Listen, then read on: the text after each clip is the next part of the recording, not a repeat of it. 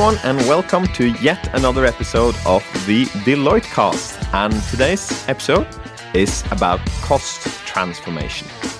And for that episode, we're very lucky to have two uh, interesting guests with us in the studio. The first one is Omar Aguilar, who is the Deloitte Strategic Cost Transformation Global Leader.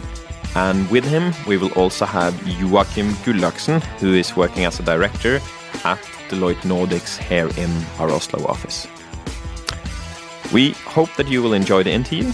Um, if you have any questions for the podcast, please send us an email at podcast at deloitte.no. Enjoy the interview. So, we are actually speaking English now in the Deloitte cast, and I'm sitting here uh, with Andreas and Omar Aguilar. Uh, welcome to you. You are um, global leader in Deloitte for uh, strategic cost transformation.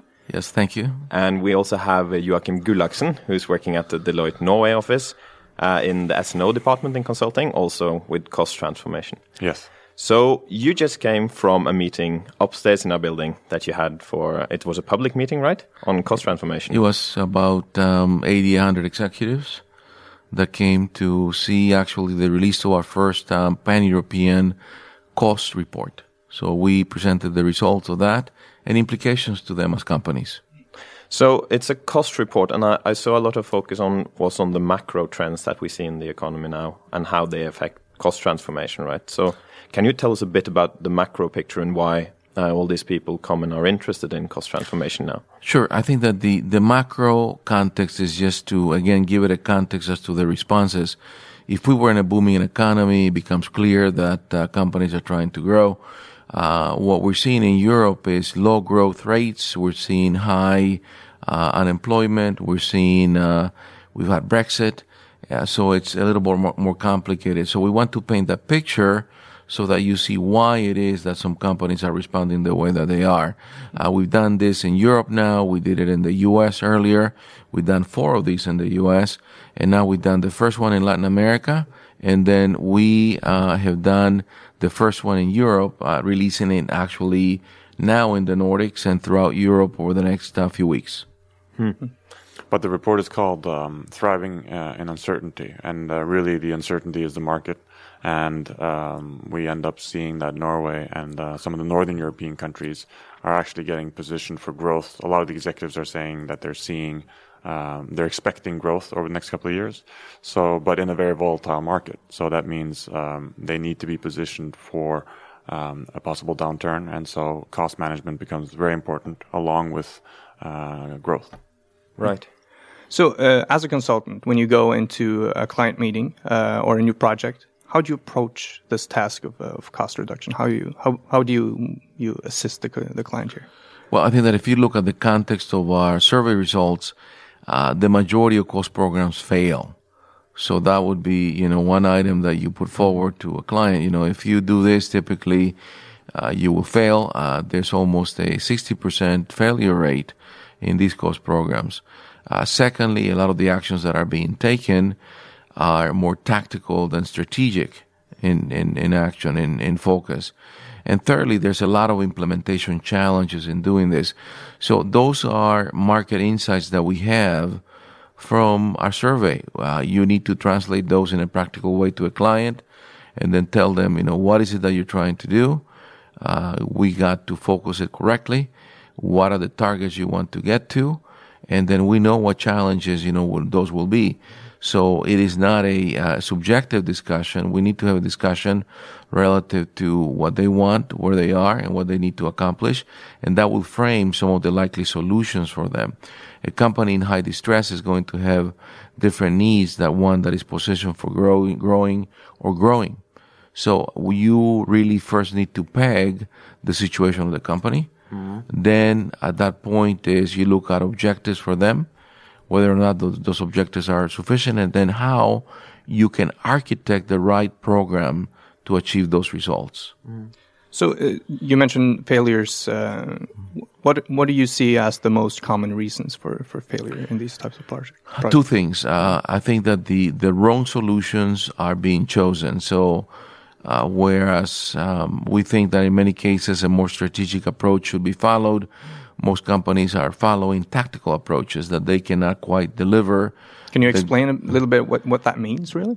Uh, a tactical approach would be a company wants to do a broad cost reduction, margin improvement, and they get into reengineering processes or streamlining processes or streamlining the organization. That is not going to give you the results that you need you need to do something stronger than that. Outsourcing, offshoring, reconfiguring your business model, changing your business model, those type of things. So, so that's what we mean. Changing, like really making a big change rather than just trying to improve. Correct. What you're actually Correct. doing. Correct. Right. I think that the threshold that we use is 10%. 10% or lower. Mm. Uh, a lot of that is more tactical and actually it overlaps continuous improvement. Continuous improvement companies get into a 4 to 6% improvement tactical up to 10%. Beyond 10%, you're looking at more strategic uh, ways of doing things. Mm. And that goes back to your first question about how do we talk to a CEO if they want to do a cost reduction program? Because if they say, well, I want to take out uh, 20%, uh, but I don't want to change my business model, I don't want to do, th-, then we have to be honest and say, you're not going to be successful. Mm. That's not going to give you the results. Or conversely, as I mentioned in the seminar earlier this morning, a lot of companies don't want to set a target. And that's also something we'll come in pretty strong on and say you have to have a target. And it should be an ambitious target because why, why stress the organization, put it under a three to six month process and then come out with low results? So it seems like uh, the plan has to be very tailor made for the company. It's no like generic model. Correct. But can you say anything about commonalities uh, on good strategic cost transformation plan? Is it any specific areas that um, you sure. should focus on? I, I think that the, our view is that you should have a, as broad of a baseline as you can, because that does several things. Uh, one of them is reduces the need to just go on labor. So if you look at uh, some other areas, then uh, we like to build a baseline that includes labor, but then also uh, balances with other non-labor costs. So it could be spend, it could be indirect, direct spend, it could be supply chain, uh, it could be operations, it could be other things. So that would be the first time, the first element. And then by maximizing your baseline, you also uh, can maximize savings. So if you have a target of 20, 30%, and you're looking at very few things, it becomes more painful. So that would be a first item. Secondly, there's such a thing as architecting a program the architecture of the program has to be with, um, we like to look at 30%, 40% of opportunities that are short term and can really help you fund the program. Mm-hmm. Then we look at another 30, 40% that are midterm and those are within a year. The short term, you know, is like within six months. Midterm, uh, things that are needed, mostly organizational changes that are required. And then lastly, you architect some long-term solutions over than a year, but then we like to be those no more than 20, 25% of the program. The challenges that we find is many clients buy as their programs to either short-term opportunities and they don't have anything else, or they get into the, what I call the 40 year journey into the desert and everything gets done long-term and transformational. Mm-hmm. And neither one of those is going to be successful. So you gotta be practical, build momentum, momentum, self-funding, and then architect the program. You know, that's how we help help our clients choose the right approach depending on their context, and then architect the program accordingly. And I would just add to, to the first point about scope, which is when, when Omar talks about baseline, it's about scope. How much of the business are we allowed to look at in this mm-hmm. program? And for me, a red flag is often when uh, the CEO says, "Well, this area is out of scope, or these costs we're not going. This this this development uh, or this um, business unit or this market is out of scope." And there'll always be interesting stories. Well, we did a cost program there last year, or we know we've done everything we can in this area. And those are often there's often political reasons for why those things are out of scope. And so we we challenge the clients on including them, and often we end up finding more in the areas that are supposed to be out of scope. So mm. that's part of the initial dialogue with the client as well. Mm. Um, it's often in crisis that the big innovation happens. Uh, is it kind of a paradox to cut costs when it's uh, hard times? What happens to development in, in this setting? Uh, well, I, I, don't know if I agree totally with the premise. I think that if mm. you look at distress, the main um, the main priority in distress is going to be liquidity. It is not cost. Mm you know, I think that you're going to run dry because of cash. So a main focus there would be uh, liquidity. uh, in cost. I think that innovation uh, it is going to be more critical going forward. Uh, the that will impact greatly what we believe is the most disruptive element to cost reduction or to frankly society is going to be digital disruption. So digital disruption will come about and will affect us uh, as in as much as it impacts platforms uh, or business models of companies. So those are the type of innovations that we think will be the most disruptive. Uh, companies are not investing or looking into that extensively. So we called it this morning a tsunami. The only place that's registering high concern about digital disruption is the U.S. Then in Latin America and Europe, we're not seeing that. So we see that that is something that will come here in Europe and then will have a tremendous impact. So if companies can really innovate and look at how they can change their platforms, innovation that we know and we do more of relates to a product or to services around that, but not around the, the platform itself. So that I think is where the innovation will be most disruptive and companies need to spend more time and they're really not doing that at this point. Hmm. So I think a typical program wouldn't involve cutting the whole uh, R&D um, program, but maybe you would look at the way they work and uh, how efficient the actual projects they're working on are and, and the ways of working and, and uh, what, what does it yield. And often you'll see that uh, innovation departments and R&D departments really have no um, uh, structure or accountability, that they'll mm. be very lo- loosely organized um, and they could be much more efficient. But that doesn't mean that we, you cut the legs out uh, from, from future investments, of course. Uh, Omar, you mentioned that implementation can be difficult, and Joachim also you said something about politics that that is an issue. Uh, from a people's perspective, how do you succeed with a cost transformation project? I think that it's been interesting. You know, the, the cost surveys that we've done in the U.S. back to 2008. So we have uh, horizontal data points uh, for the last, you know, uh, eight years, and um, what we found initially was most of the problems related to change management communications. We have transcended that. Most of the problems that we follow now relate to implementation. When you look at the data and what that means is most companies are doing cost reduction all the time. In Europe, 8 out of 10 companies are doing it. In the US, 9 out of 10. In Latin America, 10 out of 10. So cost reduction is being done all the time, continuously, and companies have been continuing to do it. They do it, you know, two years ago, they do it again, and so forth. What that means is that the um, employees, executives are used to this. So it's no longer the taboo or the focus that needed to be had. It is expected. Uh, we believe that uh, it should continue to be the same principles of effective communication. Declare and, and, and announce a clear vision, uh, engage key stakeholders, inspire confidence, and be straight. Those are the things you should do. We see communication still as one of the concerns, but it is not as overwhelming as it was in the past. And our views would be to maintain integrity, direct communications, and by necessity, this also needs to be cascaded. So the first phases of the program are with executives, then you cascade it to others, and those should follow follow best practice principles that we know of. Mm. You know, be straight, inspire confidence, uh, keep your word, maintain uh, continuity in communications, and so forth. Honesty seems to be a big thing. Here. Absolutely, mm. absolutely. I mean, as as an executive, uh, you must have that. You know, your reputation, mm. integrity, and then this is a critical program. Executives need to be leading this, but then the communication needs to be high fidelity and with integrity.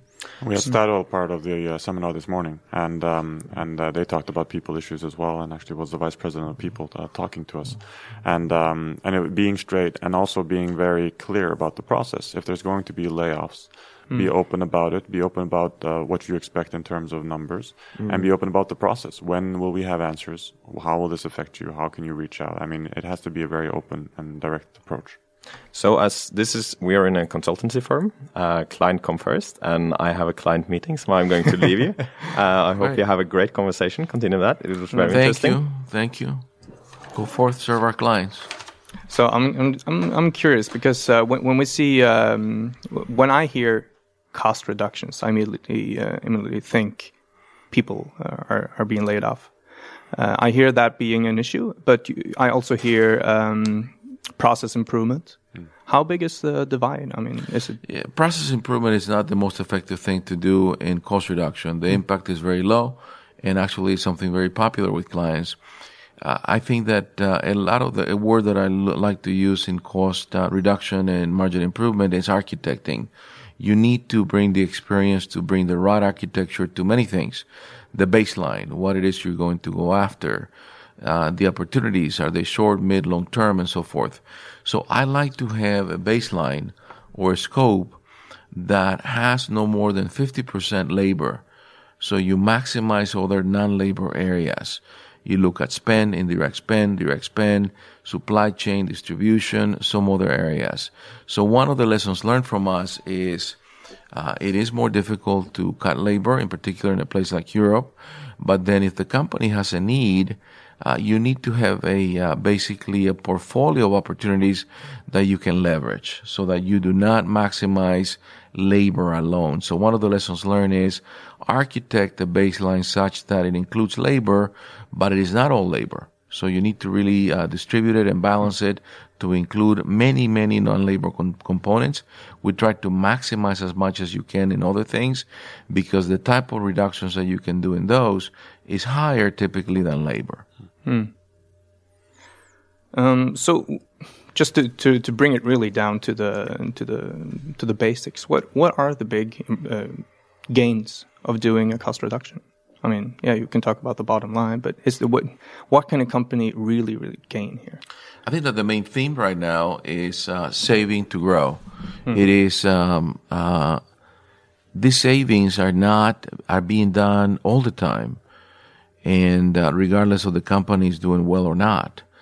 And uh, one of the main reasons behind that is those efficiencies gained are being reinvested towards growth, towards, towards innovation, what you talked about, uh, because that's how the company is going to become viable.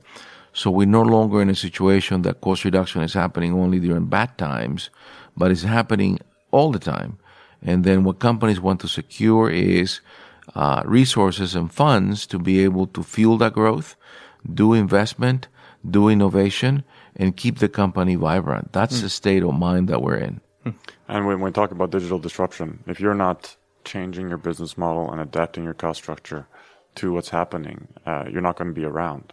So you know, it's it's a, it's sort of a binary choice for a lot of companies. If you're you know if you're if you're doing uh, if you have a large SG&A, which is uh, you know back office costs, and you have a lot of people working those functions in Norway, we know that either through offshoring or robotics or digitalization, your competitors are going to save a lot of money in that area. If you don't do that, you have to you have to put that cost on your customers when they buy products, and then you're not going to be competitive. Okay, we're gonna round off pretty uh, shortly, but since I have you uh, here Andreas is gone, I, I need to know the secret. How do you become a global leader in, in Deloitte? A global leader. How does that happen? people ask you. I mean, you know, I never asked. You know, I think that it has to do with what you do and the profile you have. Uh, my roles have um, grown to become more international. You know, so you grow about that, and part of my model is really about eminence and thought leadership. So I believe very strongly in that. So we're active in this area. I think that there's rec- recognition for that. And uh, so you do that, and then you are able to work globally. Then that fits more. You know, so I think that you got to have a global perspective, a global citizen, ability to think through what the requirements will be of a global firm or global clients, uh, putting uh, ideas, uh, resources, uh, thought leadership out there that relate to that, and having a passion to bring our people together uh, and influence our people in a different way. If you're going to be global, your levers of uh, influence are different you play a flute, but it's a different flute. It's a different mm-hmm. music because you're not going to have dealing with people uh, at a line level, like in a, one country that relate to you, see you all the time. Mm-hmm. These are folks who self-select, and then they mm-hmm. need to respect what you're doing. They need to see what you're doing, and then they start aligning to those efforts. So that's really what we're trying to do. And and you know, from the perspective of someone who, who runs uh, the service line in Norway that Omar runs nationally, obviously um, internationally. Uh, uh, yeah. Sorry, internationally. um, you know, Omar makes the commitment and he makes the investment. So mm. he shows up in Norway, not the biggest market in the world, right, to hold a seminar for, for 80 people. And uh, when we we met in the U.S. years ago, and he builds networks internationally, so he can he can actually, um, you know, get people to join in a in a company that's not as line driven as other companies. It's sort of a network, and so mm. if you mm. want people to get on board, uh, it, it requires investment and, and, and, a solid network. Okay, so I hear uh, flexibility when it comes to working abroad. I hear a focus on leadership. Um, I hear a big picture perspective, uh, seeing the the trends, uh, the social economics uh, view of things. Uh, passion, I heard, and and the networks, re relationship building. Right, you got to know the network. You got to be part of the network. Mm. Otherwise, you're just another person in there. So. All right, good. I think that uh, sums up uh, that part uh, well. And thank you both for joining. No. Very. tack. Tack, tack. and uh, okay. Thank you. Thank you.